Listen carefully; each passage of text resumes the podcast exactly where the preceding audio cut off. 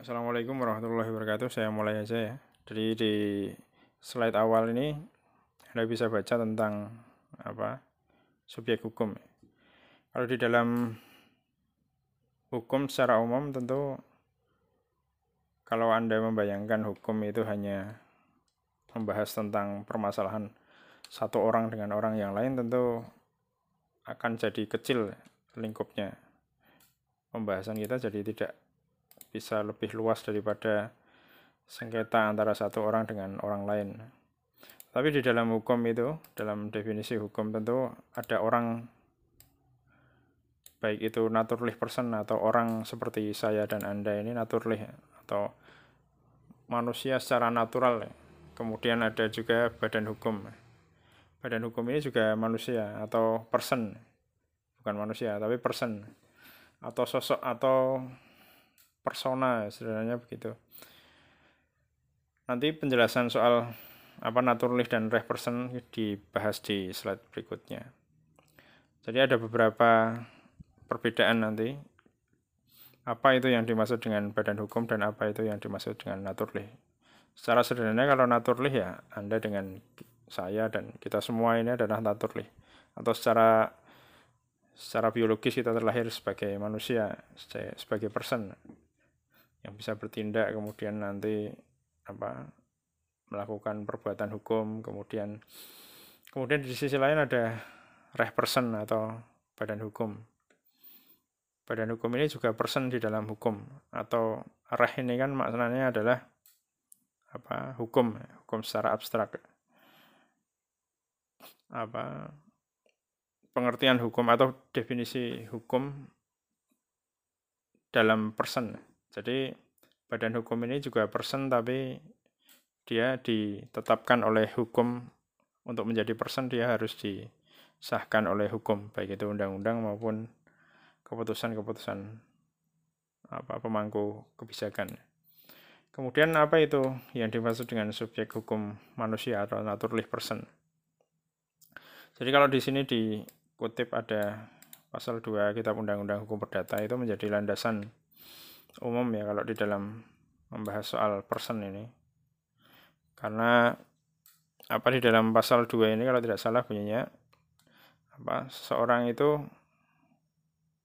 dianggap telah ada ketika apa ketika seorang bayi pun misalkan belum dilahirkan tapi ketika kepentingan si anak itu menghendakinya maka dianggap, dianggap telah ada. Maksudnya adalah ketika misalkan seseorang bayi itu dia sudah diidentifikasi. Walaupun ada juga yang berpendapat yang penting sudah ada janin gitu kan. Tapi ada yang lebih mungkin lebih pas kalau dalam definisi hukum karena terkait dengan keilmuan yang lain. Tentu harus mempertimbangkan bayi itu sudah bernyawa atau belum ya. Kira-kira yang mungkin ada yang berpendapat tiga atau empat bulan ke atas usianya. Itu sudah diberi hak atau diberi porsi hukum. Seandainya apa kebutuhan atau kepentingan si anak itu menghendakinya. Kepentingan seseorang itu kan menghendaki ketika ada apa ada peristiwa hukum di luar sana. Jadi si janin ini akan dianggap ada ketika misalkan kepentingan dia. Contohnya begini. Contohnya misalkan si bapak, bapak dari bayi ini misalkan meninggal. Otomatis dalam penghitungan waris maka dianggap bahwa bayi ini sudah ada. Karena nanti ketika apa pas dibagi diasumsikan ada satu lagi orang gitu.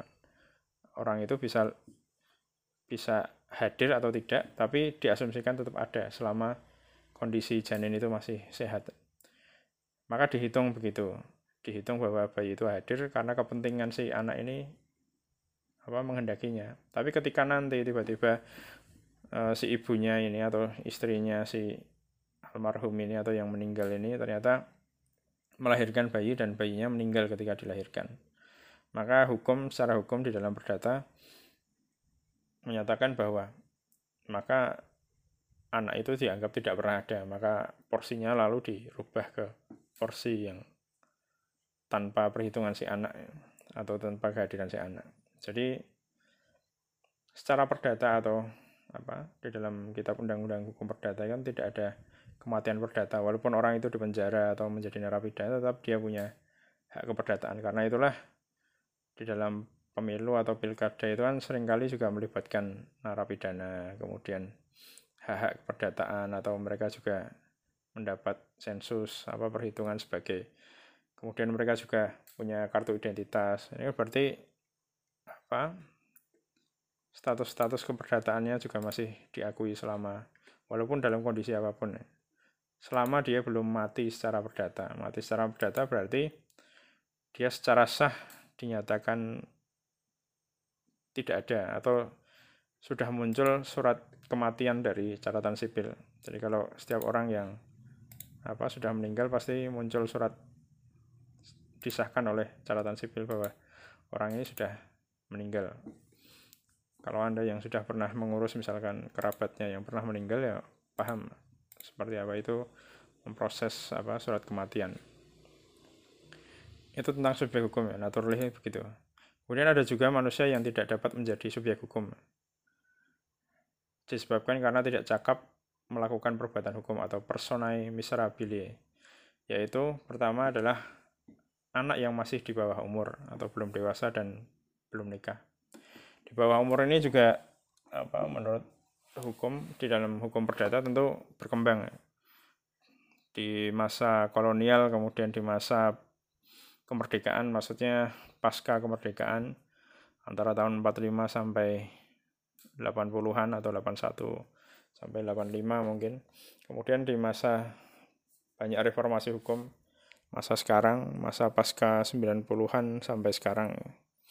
Itu tentu berubah. Dulu mungkin perhitungan orang tentang dewasa untuk layak menikah atau untuk cukup cakap untuk melakukan tindakan hukum bisa lebih mudah dibandingkan sekarang. Kalau sekarang di perdata itu dianggap bahwa anak yang dewasa itu ketika dia sudah masuk usia melewati 20 tahun itu dianggap dewasa atau cakap untuk melakukan tindakan hukum. Jadi kalau anda masih di bawah 21 tahun ya dianggap masih di bawah umur atau belum dewasa ya, belum di bawah umur.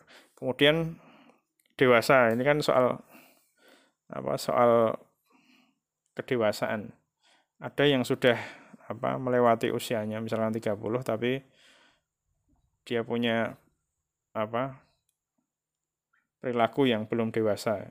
Maksudnya mungkin masih boros kemudian kalau dapat harta warisan itu masih cepat hilang hanya untuk senang-senang untuk hal-hal yang tidak penting atau juga bisa apa aset keluarga jadi hilang karena ketidakdewasaan dia dalam berpikir atau tidak bisa mengelola atau mengurus diri sendiri. Kemudian ada juga yang definisi apa belum menikah. Di dalam masyarakat walaupun ketentuan perdata misalkan apa kita disarankan untuk menikah setelah usia dewasa, setelah usia 21 tahun ke atas. Jadi mulai lepas dari usia 20 kemudian masuk ke 21 sudah diperbolehkan untuk melakukan perkawinan secara perdata. Tapi di sisi lain di masyarakat tentu ada orang-orang yang menikah itu sebelum usia itu. Nah, ini tentu sudah masuk dalam definisi cakap untuk melakukan perbuatan hukum walaupun dia belum dewasa. Jadi menikah itu juga syarat termasuk apa sarana untuk menjadi dewasa. Misalkan dijodohkan atau harus menikah sebelum sampai ke usia tersebut. Misalkan di usia 19 kemudian si perempuannya 16 itu kan. seperti yang ada di ketentuan apa Undang-Undang Perkawinan nomor 1 tahun 74. Jadi kalau di versi hukum Islam yang merujuk kepada yang dulu sejak tahun 74 itu sudah dibuat rumusan berbeda dibandingkan kitab undang-undang hukum perdata soal perkawinan kemudian soal apa syarat kawin kemudian soal rumah tangga dan sebagainya soal waris kemudian dilanjutkan di dalam apa kompilasi hukum Islam sampai wakaf dan sebagainya. Itu ada ketentuan bahwa apa kedewasaan itu bukan apa tidak diukur dengan usia, tapi di dalam Undang-Undang Perkawinan menyebutkan bahwa usia yang apa layak untuk melakukan pernikahan adalah perempuan 16 tahun kemudian laki-laki 19 tahun. Tapi ya kemungkinan bisa dinaikkan. karena ada program pemerintah misalkan untuk membatasi usia dini perkawinan tentu dengan aturan-aturan hukum yang lain yang apa mendukung untuk penerapan hukum terkait dengan kebijakan pemerintah. Kemudian yang kedua adalah orang yang berada dalam pengampuan orang kuratele. Jadi kuratele atau pengampuan ini macam-macam ya. Nanti lebih detail sebenarnya kalau pembahasan sekitar orang ini lebih banyak di pengantar hukum perdata. Jadi kuratele ini di antaranya ada orang yang sakit ingatan, kemudian pemabuk, pemboros ini juga masuk dalam kuratele atau diampu. Misalkan orang apa usia mungkin 40 tahun ya, tapi punya apa kebiasaan mabuk atau kebiasaan memboros boroskan uang atau sakit ingatan. Kemudian ada dia mendapatkan hak waris. Tentu hal ini harus ditunda atau dikuratele. Ada pihak pengampunya. Kalau pemboros ini lebih harus melihat apa rekomendasi dari keluarga karena yang tahu dia punya sifat pemboros ini kan tentu keluarga. Kemudian pemabuk tentu bisa diamati. Kemudian ada juga yang apa? Misalkan suka membuat onar. Nah, ini ini biasanya salah satunya juga butuh laporan dari pihak yang berwajib. Entah itu dari kejaksaan atau kepolisian bisa mengajukan apa? pengajuan pengampuan itu ke pengadilan. Baru nanti pengadilan menunjuk pihak-pihak tertentu untuk menjadi pengampu dari si orang tersebut. Kemudian istri di dalam perdata kolonial, istri ini statusnya adalah tidak bisa melakukan tindakan perbuatan hukum sendiri. Jadi dia harus didampingi suami. Berbeda di dalam Islam ya, di dalam hukum Islam di salah satunya di dalam Undang-Undang Perkawinan tahun 74 itu menjelaskan bahwa status istri atau wanita yang sudah menikah dengan laki-laki yang sudah menikah itu sama. Nah, inilah keistimewaan apa posisi istri di, di dalam perdata atau undang-undang kolonial dibandingkan dengan undang-undang atau aturan-aturan terkait dengan hukum Islam di Indonesia. Jadi sejak tahun 74 ya kita sudah sebagai muslim kita sudah menggunakan untuk urusan-urusan perkawinan, kemudian cara kawin, kemudian atau tata cara prosesi perkawinan, kemudian syarat-syaratnya, kemudian apa ketentuan perkawinan untuk apa orang umum kemudian orang yang bekerja di sektor publik itu juga ada ketentuannya. Kemudian reh person ya, subjek hukum, badan hukum adalah so ini dalam soal tadi kita sudah membahas soal apa naturalist person orang ya ada kuratele, ada pengampuan, kemudian nanti ada apa pendewasaan. Pendewasaan dibahas lebih lanjut di dalam hukum perdata ya. Misalkan orang itu di usia tertentu misalkan ada apa ada empat orang anak misalkan ditinggal oleh bapak ibunya dan dia tidak punya apa orang yang dewasa yang bisa apa mengatasi harta warisnya misalkan dan kakak yang paling tua itu misalkan uh, usianya 20 tahun. Dia kan tentu belum masuk usia dewasa belum 21 tahun. Dia bisa mengajukan ke pengadilan atau PN itu untuk mengajukan apa pendewasaan. Pendewasaan dalam rangka apa? Dalam rangka supaya dia bisa mengelola harta warisan kedua orang tuanya untuk dibagi kepada saudara-saudaranya. Jadi dia jadi apa seperti jadi wali untuk adik-adiknya. Itu bisa. Dan dalam pendewasaan yang seperti ini, misalkan dari usia 20 sampai dia mendewasakan diri untuk jadi dianggap 20 juta tahun, maka bisa dikatakan ini pendewasaan permanen. Karena setahun lagi tanpa perlu dia cabut itu sudah sudah loss tinggal dilanjutkan aja sampai dia usia 21 tahun tanpa harus mencabut. Berbeda kalau dia berusia di bawah 20 tahun 20 tahun ya, misalkan 19 tahun atau 17 tahun. Dan dalam kondisi yang demikian misalkan dia harus bertindak hukum untuk mewakili saudara-saudaranya atau kerabatnya yang yang usianya lebih muda. Karena tidak ada yang tua yang mampu misalkan. Well, mungkin ada yang tua tapi ternyata tidak memenuhi kriteria orang yang bisa melakukan tindakan hukum. Entah apa mengalami gangguan jiwa dan sebagainya maka pendewasaan uh, pendewasaan yang dia ajukan ke pengadilan itu adalah pendewasaan yang sifatnya sementara. Nanti harus dicabut. Jadi setelah setelah dia melakukan apa tugas hukumnya misalkan membagi waris atau apa hanya untuk satu hal saja dia harus apa mencabut lagi permohonan itu pendewasaan. Kemudian soal badan hukum ya ini badan hukum juga dibahas panjang lebar di dalam perihal tentang orang di dalam perdata.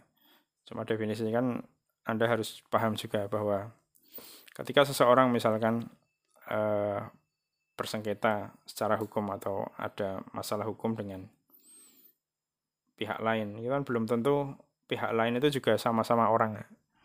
Misalkan Anda bermasalah dengan penyedia jasa telekomunikasi, misalkan Telkomsel.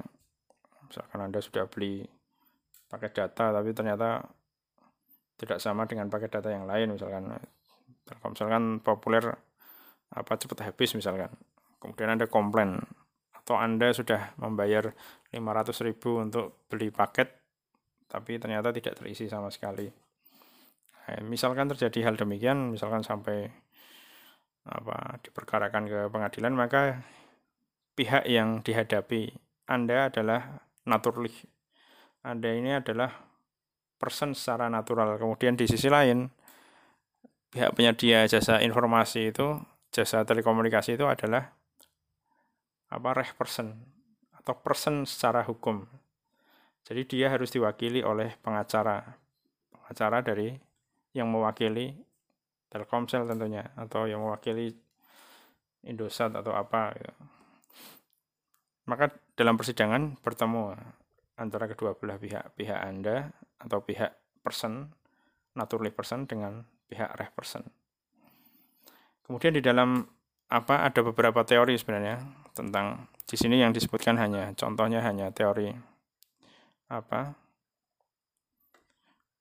teori kekayaan yang di sini contohnya adalah memiliki kekayaan yang terpisah dari kekayaan anggotanya. Jadi sifat dari apa dari teori ini melihat bahwa kekayaan sebuah lembaga atau badan hukum itu harus dipisah. Jadi ada kalau misalkan BMT itu kan harus punya aset sendiri.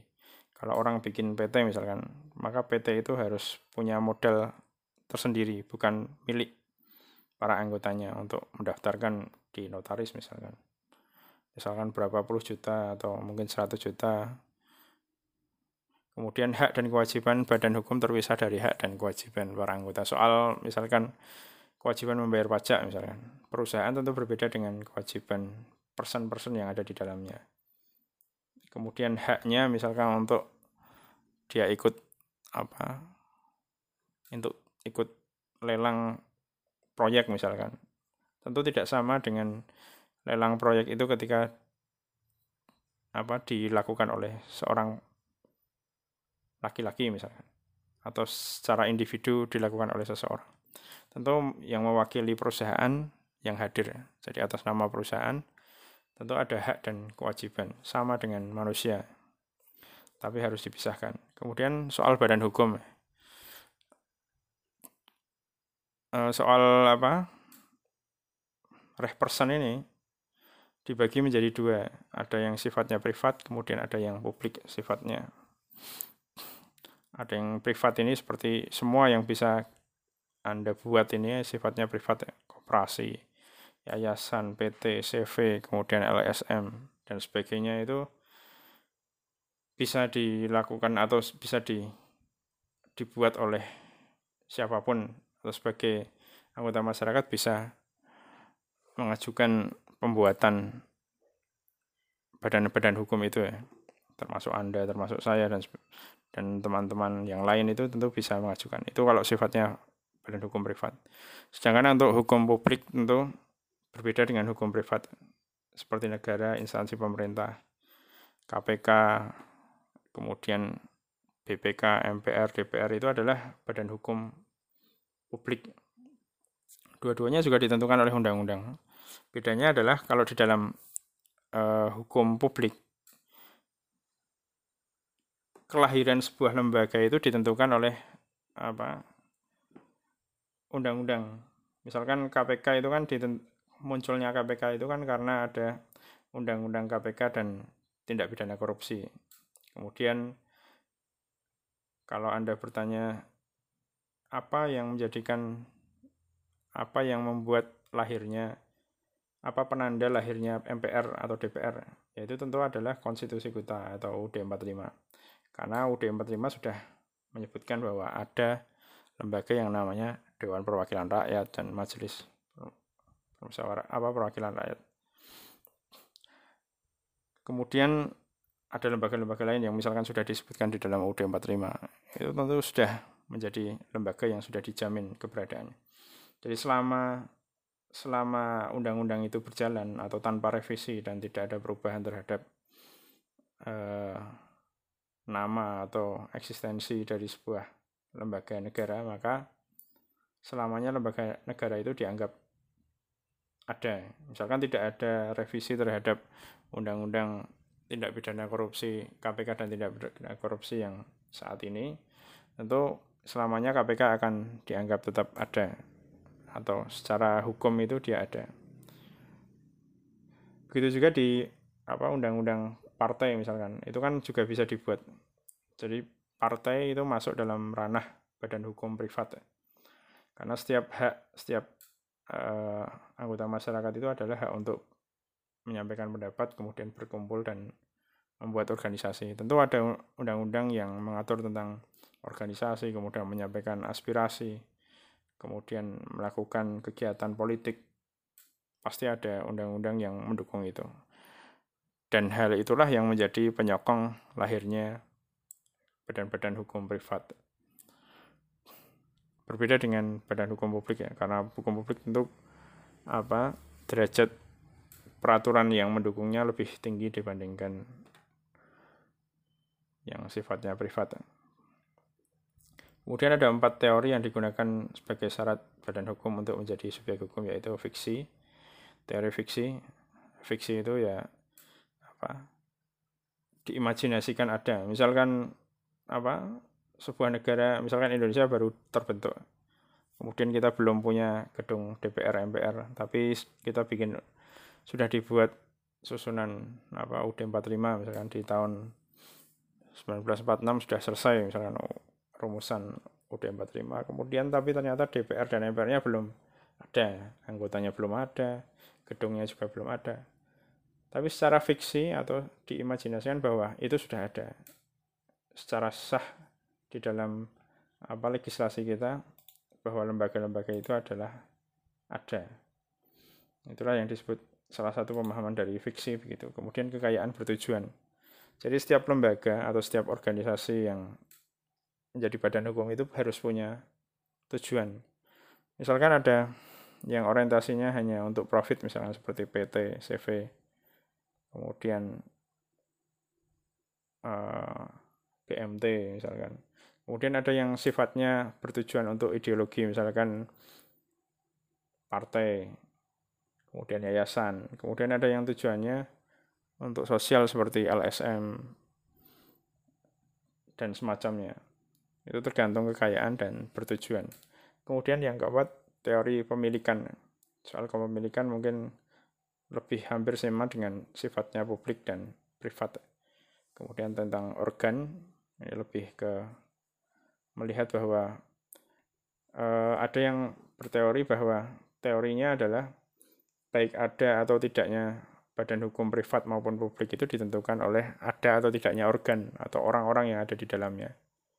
Kalau lembaga itu misalkan seperti DPR MPR itu kan sudah ada di UD 45 tetapi yang menggerakkan atau yang menghidupkan lembaga itu menjadi person atau menjadi sosok persona itu adalah organ atau orang-orang yang ada di dalamnya. Kalau tidak ada ya orang apa lembaga itu tidak hanya diam atau hanya tidur, tidak melakukan aktivitas hukum. Begitu juga yayasan misalkan atau koperasi. Walaupun banyak aturan-aturan hukum atau partai yang terkait dengan pendirian partai atau mendukung apa hak politik seseorang tapi kalau tidak ada orang-orang yang menggerakkan maka tidak ada. Jadi secara teori ini adalah soal eksistensi dalam empat teori ini. Kemudian objek hukum. Apa itu objek hukum? Objek hukum adalah sesuatu yang bermanfaat bagi subjek hukum dan dapat menjadi objek dalam suatu hubungan hukum. Atau menjadi hal yang di apa dibahas itu objek hukum. Kemudian objek hukum berupa benda atau barang ataupun hak yang dapat dimiliki atau dan bersifat ekonomis. Nah, ini definisi dalam hal keperdataan juga seperti ini. Ada nilai ekonomis, bisa dijual, bisa ditukar, bisa disewa, bisa di apa? gadaikan, ada nilai-nilai ekonomisnya. Kemudian dapat dibedakan antara lain benda berwujud dan tidak berwujud. Nah, definisi ini tentu cukup menarik dibahas ya. Dulu pernah ada kasus itu di uh, di sebuah hotel atau di kalau kalau tidak salah di sebuah hotel ya. Jadi di dalamnya itu pernah ada acara, kemudian berkerumun banyak orang, kemudian beberapa orang di antaranya itu duduk di samping ya, bersandar di tembok itu kemudian mereka apa charging itu mencolokkan charger ke apa soket listrik yang ada di dinding hotel tersebut entah itu di samping lift kemudian di dinding-dinding yang lain kemudian mereka charging begitu saja sambil apa mungkin ono acara press conference dan sebagainya Kemudian mereka meletakkan begitu aja. Kemudian akhirnya pihak hotel ini tidak suka karena mungkin acaranya sendiri sudah mereka juga tidak begitu suka. Maka di apa? Diperkarakan secara hukum ya, diproses di pengadilan bahwa orang-orang itu sebagian telah mencuri listrik. Walaupun mungkin secara ekonomis secara nilai ekonomi tidak signifikan ya, hanya ngecas itu kan tidak signifikan. Karena itulah Kemudian muncul definisi bahwa listrik itu juga masuk dalam definisi benda walaupun tidak berwujud. Tapi dalam kasus yang besar misalkan ada orang yang di depan rumahnya atau di atas rumahnya melintas list, kabel listrik PLN. Kemudian dia mencuri untuk kebutuhan sehari-hari. Ini kan signifikan. Kerugian PLN bisa banyak kalau banyak orang-orang yang mencuri seperti ini. Kemudian ada benda bergerak dan tidak bergerak. Kalau di dalam kitab Undang-Undang Hukum Perdata di mulai dari pasal 499 sampai ke atas itu 500, kemudian 501 dan seterusnya itu sudah mulai membahas tentang benda dan awal pembahasan tentang benda itu sudah dibahas tentang benda bergerak dan tidak bergerak. Benda bergerak ya apa saja yang mudah dipindahkan dan bergerak. Orang sederhananya adalah menggambarkan benda bergerak itu ya benda yang bisa kita bawa atau yang bisa menjadi sarana transportasi perpindahan tempat seperti mobil, sepeda motor, apa, sepeda ondel. Nah, juga masuk dalam ranah apa cakupan benda bergerak. Kemudian ada benda yang tidak bergerak. Secara perdata ya definisinya adalah benda yang apa yang tidak bergerak itu adalah tanah. Kemudian apa pun yang menempel pada objek lain yang memang tidak bisa bergerak, tidak bergerak. Jadi seperti bangunan, pohon, kemudian sumur itu juga benda tidak bergerak. Karena dia harus menempel ke objek lain yang juga sifatnya tidak bergerak. Sangat bergantung. Itu objek hukum. Ya. Kemudian soal hak dan kewajiban. Nah, Anda bisa simak sendiri nanti soal hak dan kewajiban. Karena pembahasan di slide ini cukup banyak. Definisi soal hak sama seperti apa pemahaman hak dan kewajiban yang selama ini kita pahami ya. Cuma di dalam dua apa pendapat tentang hak ini ada pendapatnya Utrecht ya. Utrecht ini menjawab membantah mungkin memperbaiki analogi tentang hak itu yang disampaikan oleh Rudolf van Jering yang menjelaskan bahwa hak itu sesuatu yang penting bagi seseorang yang dilindungi oleh hukum atau suatu kepentingan yang terlindungi. Kemudian disampaikan oleh dibantah oleh Utrecht bahwa hukum itu memang mempunyai tugas melindungi kepentingan dari yang berhak. Tapi orang tidak boleh mengacaukan antara hak dan kepentingan. Karena hukum sering melindungi kepentingan dengan tidak memberikan hak kepada yang bersangkutan. Kalau semua orang menuntut hak, sedangkan ada kepentingan yang lebih besar misalkan, maka nanti menjadi rancu. Karena kadang ada kepentingan publik yang besar misalkan,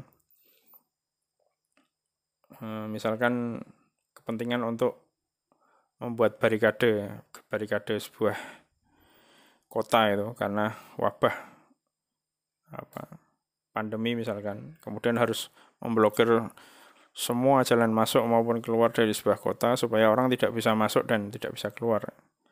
Tapi di sisi lain ada orang yang merasa haknya itu terganggu untuk melintasi jalan itu.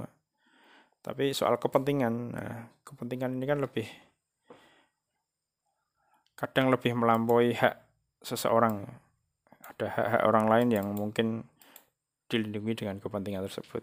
Jadi belum tentu harus apa menjadikan kepentingan itu dilindungi hanya karena hak pengen menyampaikan hak.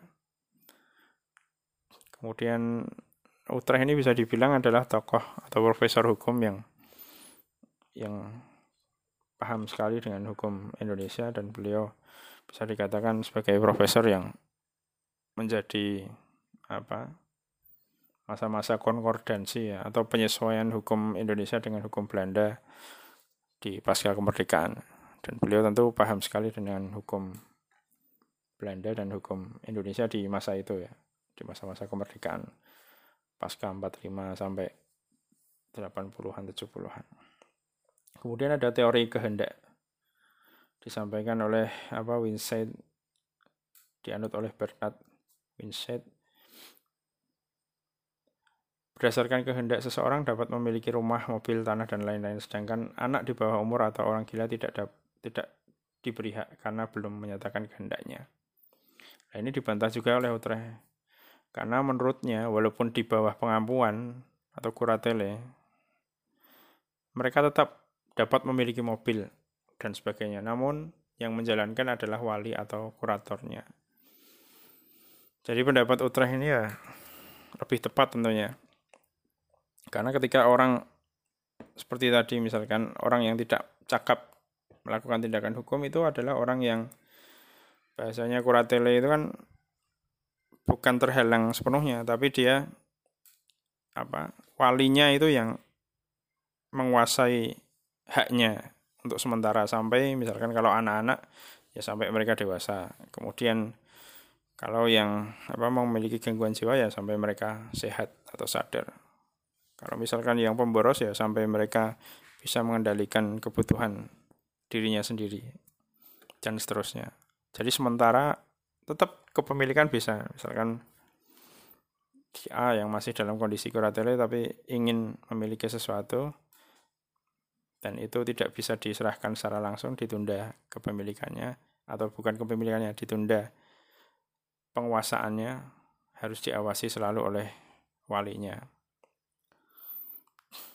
Kemudian hak dapat timbul pada subjek hukum disebabkan oleh beberapa hal adanya subjek hukum baru baik orang maupun badan hukum. Misalkan dalam kesepakatan perjanjian kemudian antara dua pihak tiba-tiba muncul pihak ketiga misalkan untuk membuat sebuah usaha yang tadinya modal usaha hanya dibagi oleh dua orang, kemudian muncul pihak ketiga, maka dibagi menjadi dikumpulkan oleh tiga orang. Kemudian hak-haknya pasti juga muncul, misalkan hak bagi hasil dari apa keuntungan usaha itu menjadi milik bertiga. Makanya munculnya subjek baru di dalam apa sebuah ikatan hukum tentu memunculkan hak hak baru hak yang muncul.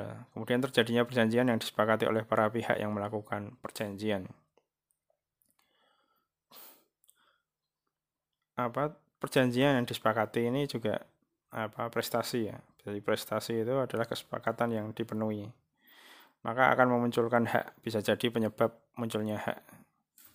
Misalkan si A apa berjanji nanti kalau apa kalau apa ya kalau misalkan kita jadi eh, bersepakat untuk membeli bersama sebuah sepeda misalkan nanti uangnya sisanya aku akan berikan apa handphone misalkan untuk aktivitas sehari-hari. Maka kesepakatan atau janji ini setelah dipenuhi maka muncul hak orang yang diberi janji tadi dan semacamnya. Seperti itu. Kemudian terjadi kerugian yang diderita oleh seseorang akibat kesalahan atau kelalaian orang lain. Biasanya hak ganti rugi ya biasanya yang semacam ini. Bila terjadi keteledoran atau uh, orang itu lalai dalam melakukan sebuah sesuatu yang kemudian memunculkan kerugian pihak lain maka pihak lain itu bisa menuntut haknya hak atas kerugian atau ganti rugi karena itu jadi konsekuensi umum ya entah itu di jalan atau bisa dikatakan seperti atau uh, extrajudicial proses ya. Jadi proses di luar persidangan. Ya entah itu dengan damai kemudian dibuat kesepakatan ganti rugi itu juga bisa. Nah, karena kebanyakan masyarakat tentu memilih proses itu daripada mau bersidang atau proses secara hukum di meja hijau. Kemudian karena seseorang telah melakukan kewajiban yang merupakan syarat memperoleh hak. Jadi timbul hak itu karena apa? mendapatkan hak ini. Dalam definisi yang keempat ini lebih tepat mungkin untuk mendapatkan hak, bukan hak yang timbul. Saya rasa dalam definisi yang keempat ini haknya tetap timbul walaupun belum dipenuhi karena dia punya hak yang apa diimajinasikan atau fiksi. Baru nanti hak itu dia dapatkan ketika dia sudah selesai melakukan kewajibannya. Kemudian ada yang daluarsa atau versaring. Itu pembahasan di dalam keperdataan, misalkan sudah lewat waktu, kemudian dengan lewat waktu itu dia mendapatkan haknya. Atau misalkan apa?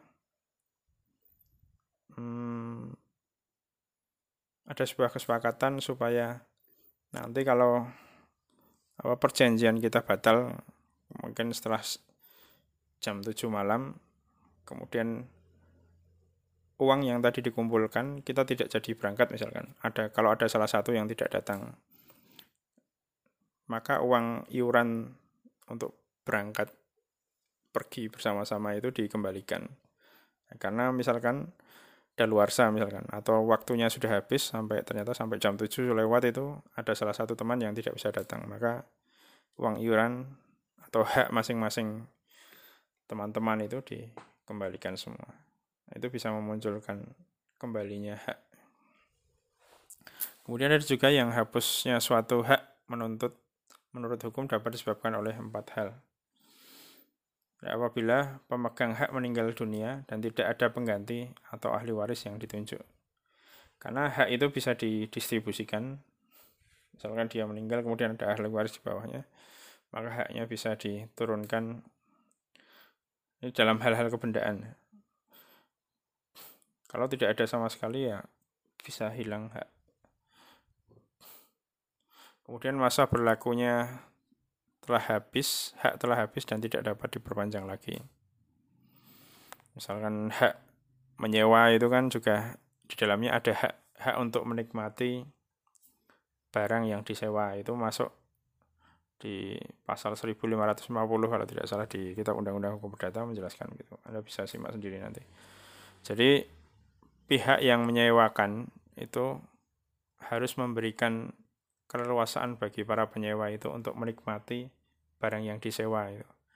Jadi kalau Anda datang ke UIN kemudian Anda ngekos atau ngontrak itu bersama teman-teman misalkan rumah itu dipercayakan ke Anda kemudian Anda maka setelah Anda sepakat atau sudah membayar uang sewa maka si pihak penyewa itu harus memberikan keleluasaan bagi Anda untuk menikmati apa barang yang disewa atau rumah itu. Tapi nanti ketika apa masa berlakunya telah habis maka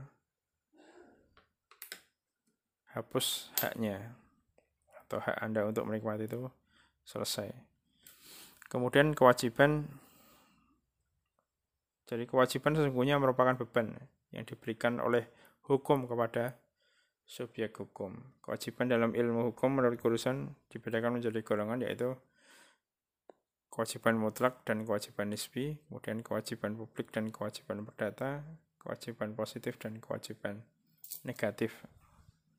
Saya rasa terkait dengan keperdataan semua. Cuma di dalam definisi yang kedua, sering kali istilah kewajiban publik ini direlasikan dengan hal-hal yang sifatnya pemidanaan. Kemudian kewajiban perdata, kemudian karena perdata ini dibandingkan atau sering disebut dengan uh, privat, kemudian disandingkan dengan publik. Kemudian banyak yang mengasumsikan bahwa publik itu ya hanya terkait dengan pidana, tapi ya tidak tidak melulu terkait dengan hukum pidana karena dalam mempelajari apa cabang-cabang keilmuan hukum nanti Anda bisa melihat uh, skemanya yang ternyata lebih luas bukan hanya di dalam pidana atau yang diatur dalam kitab undang-undang hukum pidana. Nah, dalam hal ini Anda bisa baca sendiri nanti ada pembahasan masih banyak. Kemudian hapusnya suatu kewajiban karena hal-hal sebagai berikut. Karena meninggalnya orang tadi sudah, kemudian masa berlaku sudah habis dan tidak dipanjang, kewajiban dipenuhi oleh yang bersangkutan, hak yang melahirkan kewajiban telah dihapus daluarsa atau versaring ekstensif, kewajiban telah beralih dan dialihkan kepada orang lain. Misalkan oper kredit itu kan kewajibannya untuk menyicil tapi karena misalkan kepemilikannya sudah berpindah, maka bahasa di masyarakat ini oper kredit, dioper ke pembeli baru. Dia tinggal melanjutkan kreditnya. Kemudian yang terakhir ini terjadi suatu sebab di luar kemampuan manusia sehingga tidak dapat dipenuhi kewajiban itu. Contoh misalkan di apa uh, jasa delivery ya atau jasa antar barang itu kan dalam sistem tentu kalau Anda beli di Bukalapak atau di Tokopedia kemudian Anda pesan uh, untuk di delivery menggunakan jasa antar misalkan CNT kemudian CNE atau Tiki gitu kan selalu tertera misalkan tarif misalkan reguler kemudian kilat atau apa VIP bisa ada yang misalkan Anda pilih tarif untuk Anda bisa terima 3 sampai 4 jam kerja apa hari kerja. Tapi ternyata perkiraan itu tentu perkiraan yang sudah diperhitungkan oleh perusahaan bahwa kondisinya lancar kemudian kondisinya baik-baik saja. Ternyata perkiraan yang dibuat oleh perusahaan delivery pun bisa saja meleset karena misalkan terjadi bencana atau apa badai, maka transportasi laut, transportasi udara jadi terhambat. Darat juga mungkin tiba-tiba ada kecelakaan atau bencana alam di suatu tempat maka terhambat. Tentu itu tidak bisa di apa di luar kemampuan manusia atau bahasanya overmah kondisi yang sangat memaksa kemudian menjadikan uh, orang itu tidak bisa memenuhi kewajibannya. Bisa jadi menjadi sebab hapus suatu kewajiban. Dalam hal delivery tentu kewajiban untuk tiba tepat waktu, bukan kewajiban untuk mengantar. Karena benda itu kan sudah menjadi hak orang yang hendak dikirimi. Kewajibannya tentu kewajiban melaksanakan layanan atau servisnya. Kemudian apa yang disebut dengan peristiwa hukum? Peristiwa hukum adalah uh, semua kejadian atau fakta yang terjadi dalam kehidupan masyarakat yang mempunyai akibat hukum. Contohnya perkawinan, jual beli dan sebagainya. Perkawinan ini adalah peristiwa hukum. Karena akan memunculkan akibat hukum. Jadi perkawinan dan jual beli ini seperti apa? seperti matrik yang menyimpan banyak potensi akibat-akibat hukum. Dengan adanya perkawinan maka ada hubungan yang berubah. Yang dulunya laki-laki dan perempuan kemudian menjadi suami dan istri. Belum lagi nanti kalau muncul anak dari hasil perkawinan maka muncul apa subjek hukum baru yaitu anak.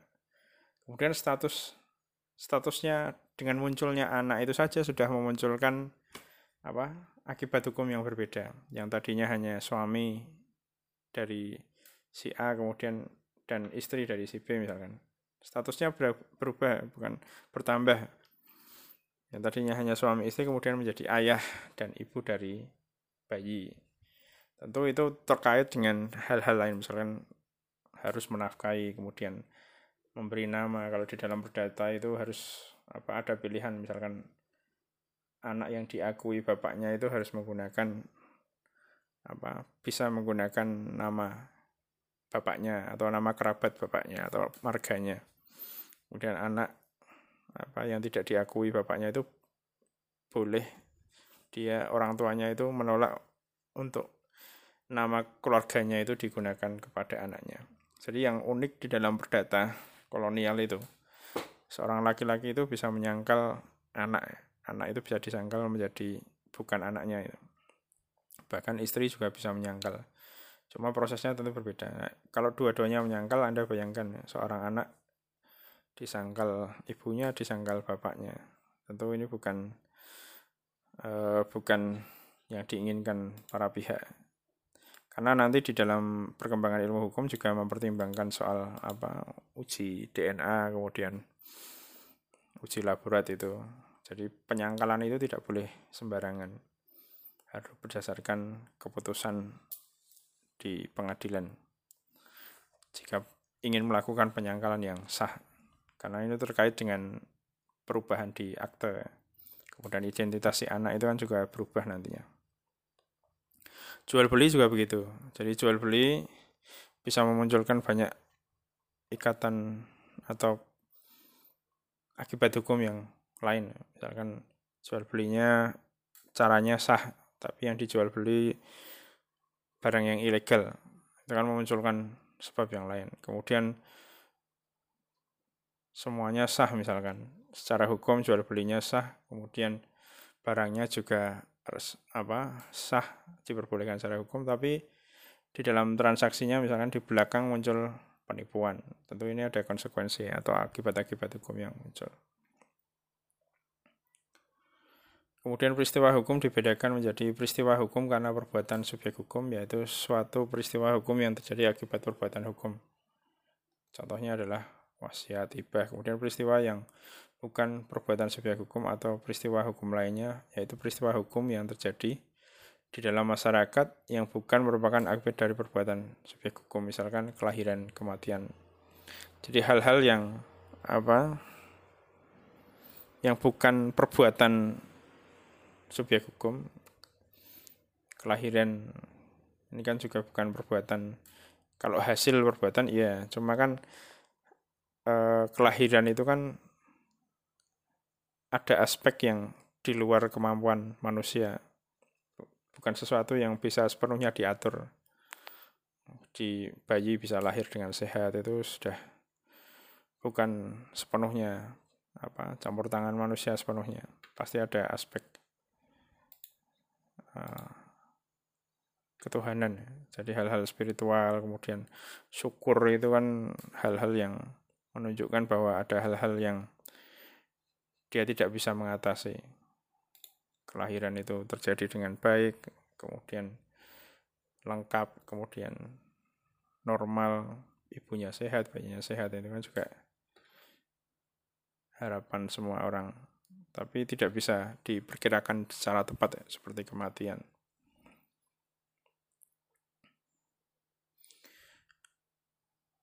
Kemudian akibat hukum, kemudian definisinya bisa Anda baca lebih lengkap di sini nanti. Nanti saya akan share materi ini, kemudian ada pembahasan dari sanksi dan dari aspek sosiologis. Sanksi dari aspek sosiologis merupakan persetujuan atau penolakan terhadap perilaku tertentu yang terdiri dari sanksi positif dan sanksi negatif. Ini uh, terkait dengan lebih dominan itu kalau di dalam hukum adat ya. Pembahasan hukum adat biasanya ada di semester 5 atau 4 ya kalau tidak salah. Semester 5 kalau tidak salah. Atau 3 ya. 3 kalau tidak salah. Itu ada hukum adat nanti. Nah ini sanksi-sanksi tentu sangat khas kalau di dalam uh, adat ya. karena hukum adat lebih banyak ke sanksi sosial kemudian hukuman kalau dihitung soal berapa masyarakat adat yang masih menggunakan pidana tentu tidak sebanyak dulu ya. karena adat sekarang sudah seperti menjadi apa etika umum ya.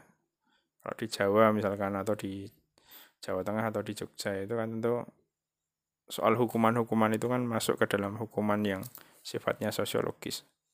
Yang tadinya ada di ranah hukum adat. Misalkan sanksi negatif dalam arti luas terdiri dari sanksi ini ya, atau hukuman pemulihan keadaan kemudian pemenuhan keadaan dan penjatuhan hukuman. Pemulihan keadaan ini bisa kan kalau ya dalam adat ya.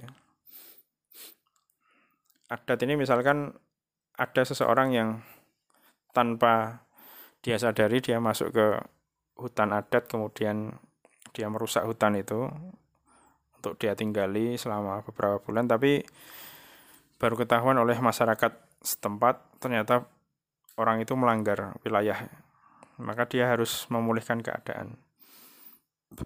Entah itu menanami apa kembali yang tadinya sudah dia rusak, kemudian apa area yang sudah dia bakar dan sebagainya. Atau pemulihan ini bisa berarti begini. Dulu ada di dalam pembahasan hukum adat itu, misalkan ada tradisi yang tidak membolehkan seorang anak laki-laki itu berbaur dengan anak perempuan berdua misalkan menyendiri sampai sore itu tidak diperbolehkan nah, hal ini harus dipulihkan dengan cara misalkan kan itu menjadi aib bagi keluarga si perempuan si laki-laki ini harus ada ke, ada beberapa hal yang harus dia lakukan atau harus dia jalani supaya kondisi ini menjadi pulih. Di dalam masyarakat adat itu biasanya soal pemulihan keadaan ini seperti apa ya menetralisir atau menjernihkan lagi suasana apa mistik atau spiritual di dalam adat itu supaya tidak terlalu kotor kemudian tidak dinodai oleh apa perbuatan-perbuatan buruk manusia baik di dalam adatnya maupun dari manusia-manusia dari atau orang-orang dari luar adat. Kemudian pemudahan keadaan. Pemudahan keadaan ini tentu sanksi yang di apa biasanya sudah dibakukan di dalam adat oleh para pemuka adat kemudian harus misalkan dia melanggar perbuatan A atau B itu maka konsekuensinya dia harus melakukan misalkan hukuman apa diasingkan atau dipasung atau mendapat hukuman semacamnya itu macam-macam di dalam adat terkait dengan sosial. Kemudian penjatuhan hukuman itu adalah sanksi yang biasanya akhir ya. Kalau tidak ada konsekuensi yang lain atau tidak ada sanksi-sanksi yang lebih halus, biasanya hukuman dijatuhkan. Dan tentu berbeda-beda. Yang jelas kalau di dalam hukum adat di Indonesia tidak boleh apa bertentangan atau melampaui dari sanksi-sanksi hukum pidana yang ada. Harapannya begitu.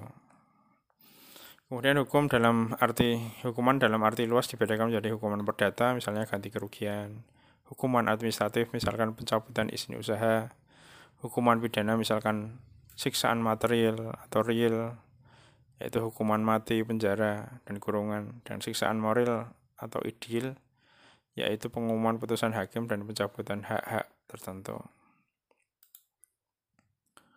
Kemudian ada istilah apa di dalam hukum itu ada istilah onreh mati gedat atau perbuatan melawan hukum. Rumusan pengertian dan pelaksanaan perbuatan melawan hukum ini sebelum tahun 1919 dan sesudah 1919 di dalam Ares Hograt yaitu tahun 19 1919 19 Desember yaitu sebelum 1919 perbuatan melawan hukum terjadi apabila perbuatan itu bertentangan dengan hukum tertulis hanya dalam hal melanggar hak orang lain yang diakui undang-undang atau melanggar ketentuan hukum tertulis saja. Kemudian bertentangan dengan kewajiban hukum si pelaku. Misalnya tidak memberi pertolongan kepada seseorang korban kecelakaan padahal mengetahui kejadian kecelakaan. Nah, ini bisa dalam bahasanya adalah delik delik omisi.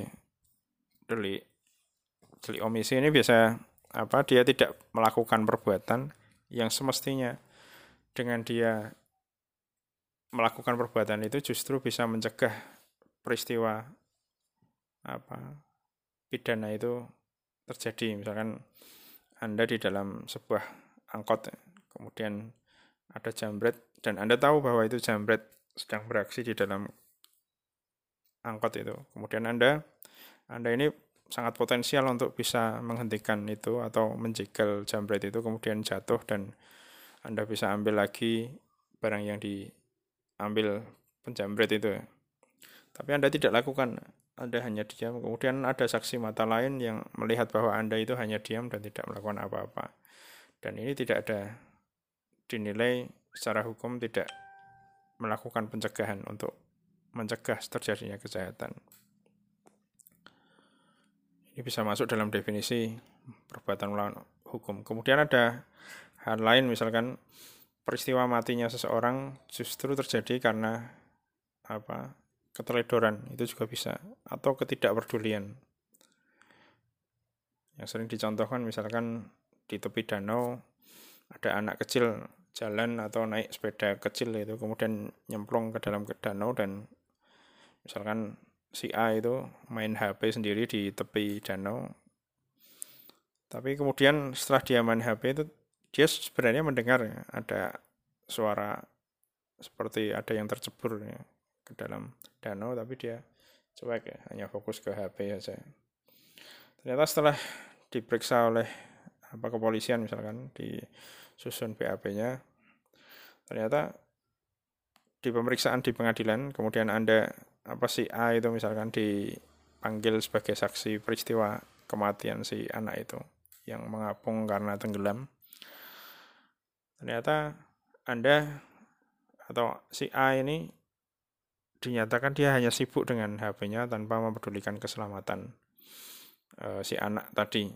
Padahal dalam pembuktian misalkan si A ini ternyata bisa berenang atau bisa punya potensi yang menyelamatkan nyawa si anak. Tentu dia bisa dikenai sanksi pidana.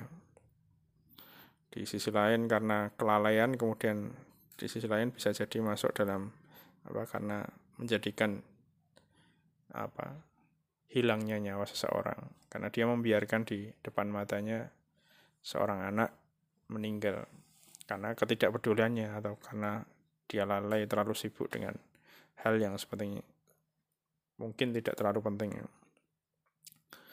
Kemudian sesudah tahun 1919 eh, keluar ares atau putusan ares dari Hograd atau Mahkamah Agung Belanda pada tahun pada tanggal 31 Desember memutuskan bahwa setiap perbuatan atau kealpaan yang menimbulkan pelanggaran terhadap orang lain atau bertentangan dengan kewajiban hukum si pelaku. Hmm, alpa kemudian jadi definisi pidana ini berkembang juga di dalam eh, putusan-putusan uh, dari Hograt atau MA. Definisi seperti apa itu orang yang melanggar hukum itu juga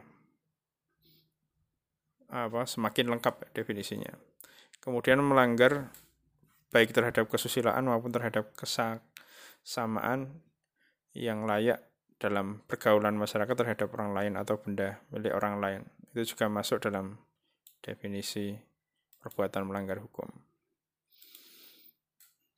Udah, nanti saya share ini ya materinya. Saya rasa cukup untuk pertemuan pertama nanti. Kalau ada pertanyaan dan ada yang mau ditanyakan boleh share di Telegram. waktunya sudah hampir habis nih saya rasa cukup ya. Yeay. ya udah. Matur nuwun. Assalamualaikum warahmatullahi wabarakatuh